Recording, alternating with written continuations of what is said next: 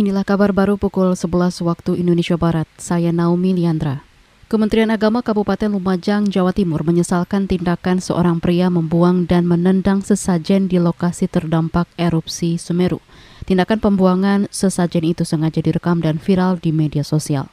Kepala Kementerian Agama Kabupaten Lumajang, Muhammad Muslim meminta masyarakat tetap tenang dan tidak terprovokasi bahwa harapan saya masyarakat tetap tenang dan serahkan kepada pihak kepolisian untuk menyelidiki masalah ini. Sebagai Kepala Kementerian Agama terus terang saya merasa kaget dengan peristiwa ini dan sangat menyayangkan karena itu adalah tindakan yang kurang beradab. Ya, dia tidak kalau mau berdakwah berdakwah dengan baik lah. Islam menganjurkan kita berdakwah bil hikmah wal mau'izatil hasanah, tidak kemudian merusak apa yang menjadi keyakinan orang lain. Itu tadi Kepala Kementerian Agama Kabupaten Lumajang Muhammad Muslim. Sementara itu Bupati Lumajang, Jawa Timur, Torikul Haq mengaku geram dengan aksi viral pria yang membuang dan menendang sesajen di lokasi terdampak erupsi Semeru. Bupati memastikan pria itu bukanlah warga Lumajang. Polisi bersama relawan di sekitar lokasi didesak segera mencari pelaku pembuangan sesajen.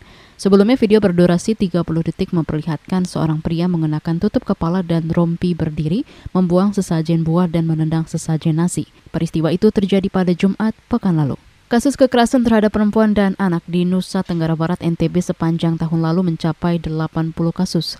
Kepala Dinas Pemberdayaan Perempuan dan Perlindungan Anak NTB, Husnandianti Nurdin menduga masih banyak kasus kekerasan terhadap perempuan dan anak yang tidak dilaporkan.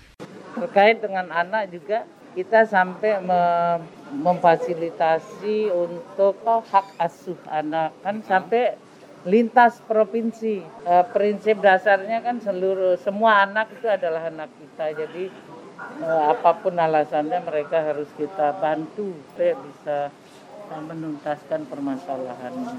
Kepala Dinas Pemberdayaan Perempuan dan Perlindungan Anak NTB Husnandiati Nurdin merinci, sepanjang tahun lalu institusinya menangani 8 kasus pelecehan seksual, 15 kasus kekerasan dalam rumah tangga, dan 7 kasus tindak pidana perdagangan orang. Sisanya yakni kasus penelantaran, kasus hak asuh anak, dan kasus perkawinan anak. Tahun lalu, otoritas NTB mengesahkan peraturan daerah tentang pencegahan dan perkawinan anak. Perda ini diterbitkan menyusul tingginya angka perkawinan anak. Dalam perda diatur sanksi pidana bagi siapa saja yang melanggar perkawinan anak, sekaligus memberi hadiah bagi siapa saja yang mampu menekan angka pernikahan usia anak. Saudara, sedikitnya 19 orang dilaporkan tewas dalam kebakaran di sebuah apartemen di New York, Amerika Serikat kemarin. Sembilan di antara korban tewas adalah anak-anak. Wali Kota New York Eric Adams meyakini kebakaran bukan disebabkan aksi terorisme atau kriminal. Diduga api bersumber dari penghangat ruangan yang ada di salah satu lantai apartemen. Dinas Pemadam Kebakaran New York juga sudah memeriksa bukti fisik dan keterangan sejumlah penghuni apartemen. Para saksi menyebut api berasal dari sebuah penghangat elektrik portabel di salah satu kamar. Selain menewaskan 19 orang, kebakaran juga melukai puluhan orang. Ada 13 di antaranya yang kini dalam kondisi kritis. Sebagian besar korban selamat mengalami gejala sesak napas akibat menghirup terlalu banyak asap. Sekitar 200 petugas pemadam dikerahkan ke lokasi kejadian di apartemen Twin Park, sebuah bangunan hunian dengan 19 lantai.